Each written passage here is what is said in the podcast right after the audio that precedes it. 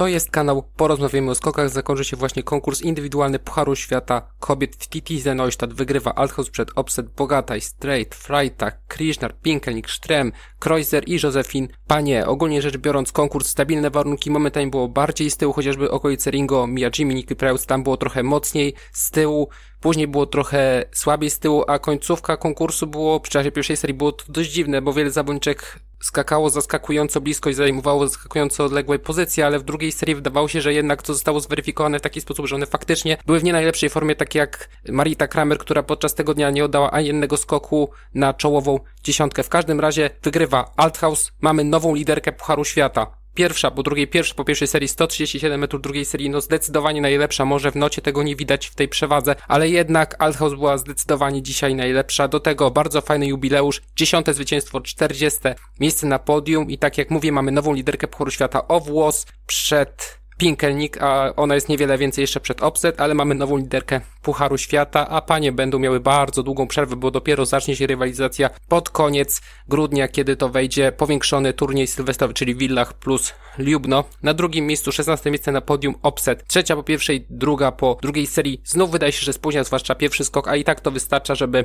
zająć to miejsce drugie. Na trzecim miejscu Ursza Bogataj, druga po serii pierwszej, czternaste podium w sezonie. Spodziewałem się, że to ona będzie na podium. Raczej obstawiał Nikę Kriżnar, ale tutaj występ ogólnie Słowenek całkiem niezły, zwłaszcza jak na ten sezon. I czwarte miejsce Abigail Strait, piąta po serii pierwszej, wyrównanie najlepszego wyniku w karierze. Do tego ten drugi skok 135 metrów i niezłe lądowanie. Jeszcze w poprzednim sezonie raczej by tego lądowania nie było takiego całkiem niezłego. No to nie było lądowanie w stylu Althouse, ale jednak podkreślam to po raz kolejny Strait wykonała duży krok naprzód względem lądowania, porównując to do poprzedniego sezonu, zwłaszcza na dużych skoczniach, że te duże skocznie faktycznie nie ograniczają, że nie traci, tak jak niektóre inne zawodniczki, chociażby mamy Opset, która na normalnych skoczniach po prostu gubi się bardzo mocno, to na dużych skoczniach może w pełni wykorzystać swój potencjał, a były inne zawodniczki, które na skoczni normalnej czuły się lepiej, tak jak Sel właśnie przede wszystkim w poprzednim sezonie, a na dużych skoczniach traciła, zwłaszcza przy podejściu do lądowania. Na piątym miejscu nowy rekord życiowy Sejna Freitag na miejscu piątym, szósta po pierwszej serii też świetny występ, świetne kwalifikacje.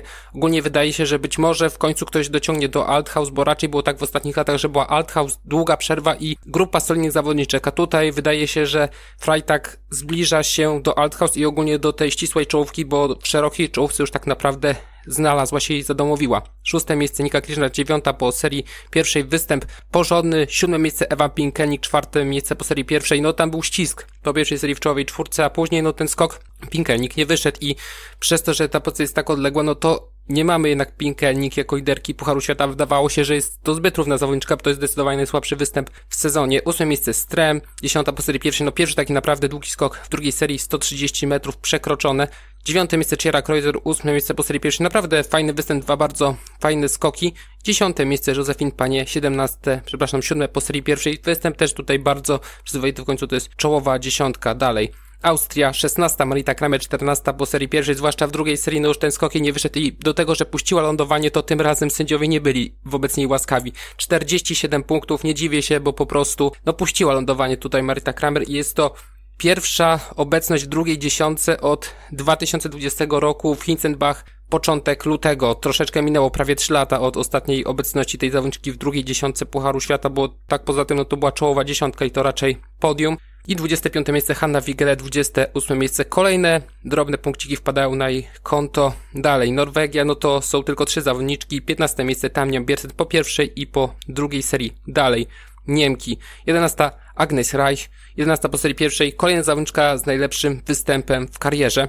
Jest to pierwsze miejsce Anna Ruprecht, 19 po serii pierwszej, 22 Luisa Gerlich, 24 Paulina Hesser, 27 po serii pierwszej Gerlich, 21 po serii pierwszej i 25 wracająca do Pucharu Świata Juliana Zejfert, 25 po serii pierwszej. Wygląda to tak jakby została wykorzystana kwota krajowa, a jednocześnie mamy tylko jedną zawodniczkę z tej kwoty krajowej, mimo że można jeszcze kilka zawodniczek spokojnie wcisnąć do tej kwoty krajowej. Trochę dziwne zachowanie, jeśli chodzi o Niemców, no bo przecież Niemki skakały w Pucharze Kontynentalnym dopiero co Wikersund. Dalej Słowenia 12, Emma Klines 17 po serii pierwszej, skok drugi też niezły, ale wydaje się, że cały czas no to nie jest skakanie na jej poziomie po prostu. 28 miejsce Nika Preus, 26 po serii pierwszej, no wydaje się, że coś tam się dzieje złego w drugiej części lotu, że po prostu gdzieś traci stabilność, że te narty gdzieś za bardzo przychodzą, jak można powiedzieć, do głowy, za bardzo jej się kontują i nie wiem, czy to jest kwestia jakiegoś innego błędu i to jest tylko efekt uboczny, czy po prostu faktycznie coś tej pozycji w locie nie gra, bo w poprzednim sezonie nie wyglądało to tak, ani też latem tak to nie wyglądało. I 32 miejsce Maja w Teach, znów bez punktów. Dalej, Japonia i tutaj, jeśli chodzi o Japonię, no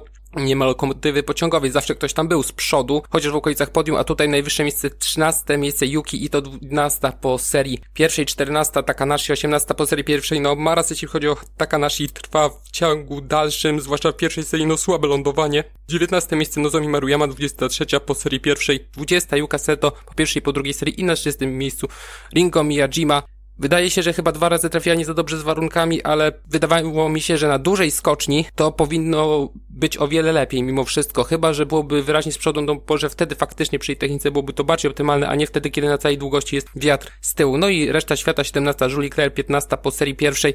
Wydaje się, że drugi skok był dość mocno spóźniony. 18 miejsce Lara Malziner 13 po serii pierwszej. Nie wiem jak to się stało, że ona przy takiej technice, przy tym zwłaszcza w drugiej fazie lotu się strasznie zastawia nartami, że ona jest aż tak wysoko. Na 23 miejscu Jessica Malziner, 22 po serii pierwszej, 26 Julia Kekkanen, 24 po serii pierwszej. Znów wydaje się, że tutaj nie wiem, czy to jest kwestia doświadczenia czegoś innego, ale Rautionacho po prostu zliczyła taki zjazd na przestrzeni ostatniego miesiąca, że jest to naprawdę zaskakujące. 27 miejsce Daniela Haralambie, 30 po serii pierwszej, naprawdę fajny skok, ponad 120 metrów w serii drugiej, a mimo wszystko nie jest to jakiś bardzo spektakularny awans. 31 Nicole Konderla, nie było aż tak blisko punktów, jakby wskazywała na to pozycja, bo jednak punktowo różnica była nieco większa, ale i tak była o klasę lepsza od Kingi Rajdy. 33 miejsce Anika Belshow, 34 miejsce Nicole Maurer, 35 miejsce Jeny Rautionacho. Tak jak mówiłem, jestem bardzo zaskoczony tym, jak bardzo obniżyła się dyspozycja Rautionacho. 36 miejsce Kinga Rajda. No skok bardzo podobny do tego, co mieliśmy okazję oglądać w mikście. 37 miejsce Karolina Indraczkowa, tylko ona jest z Czeszek tutaj. 38 miejsce Delia Anna Maria Folea. Wyrównanie najlepszego wyniku w karierze, ale tutaj było tylko 41 zawodniczek w kwalifikacjach do tego. Jakiekolwiek emocje ucięła po prostu Paige Jones, która dostała dyskwalifikację. 39 miejsce Delia Anna Maria Folea. Można powiedzieć, że debiut w Pucharze Świata, ale ona wielokrotnie była w kwalifikacjach i w konkursach drużynowych, czy tam w mikście była na przykład dopiero co. I no jest to nie do końca debiut, ale jednak jest debiut, ale w dużej mierze przez to, jak wyglądały kwalifikacje na 40. miejscu Tetiana Pylepczuk.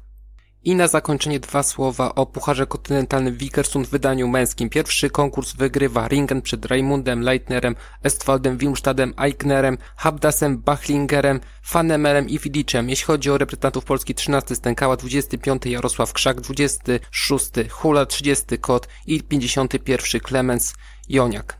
I mamy konkurs drugi, wygrywa Raimund przed Ringenem, Estfoldem, Habdasem, Leitnerem, Eignerem, dwaj Austriacy na piątym miejscu, dalej Wilmstadt, Fanemel na dziewiątym miejscu, Jacques Mogel i na dziesiątym miejscu Joachim Odegard Bierenk z Polaków, 22 Morańka, 25 Stękała, 27 Hula, 30 Kot, 34 Joniak i 54 Jarosław Krzak. I mamy dwóch nowych zawodników z prawem startu w Pucharze Świata, 11 w drugim konkursie Espen Jakobsen i na 24 miejscu w tym samym konkursie Pal Hakon Biertomt. Co jeszcze być może warte warte podkreślenia czy raczej wyróżnienia. Na 31 miejscu był Remo Imhoff, jedyny ze Szwajcarów, który przynajmniej w tym konkursie był blisko, żeby jednak zwiększyć kwoty startową, czy raczej nabyć w ogóle prawo startu w Pucharze Świata do Engelbergu, a tak no to pozostają zawodnicy w liczbie sześciu, maksymalnie sześciu, no bo nie wiadomo co z Amanem, co z Niederbergerem, który naprawdę skakał albo bardzo słabo, a w tym konkursie to się w ogóle nawet nie pokazał, ale to jest poziom szóstej dziesiątki tego Pucharu Kontynentalnego. Zresztą sam Imhoff zdecydowanie najlepszy w pierwszym konkursie był na 50 miejscu, reszta w szóstej dziesiątce. Byłby to jakiś pozytyw, promyk nadziei względem szwajcarskich skoków, które w tym momencie, zwłaszcza męskie, no to jest po prostu bryndza. Po prostu, to trzeba tak nazwać. Wiadomo, że Czesi teraz królują, ale jednak Szwajcarzy w tym sezonie, mimo kontuzji, to teoretycznie powinno wyglądać aż tak źle, a jednak wygląda bardzo, bardzo przeciętnie. To tyle. Do usłyszenia.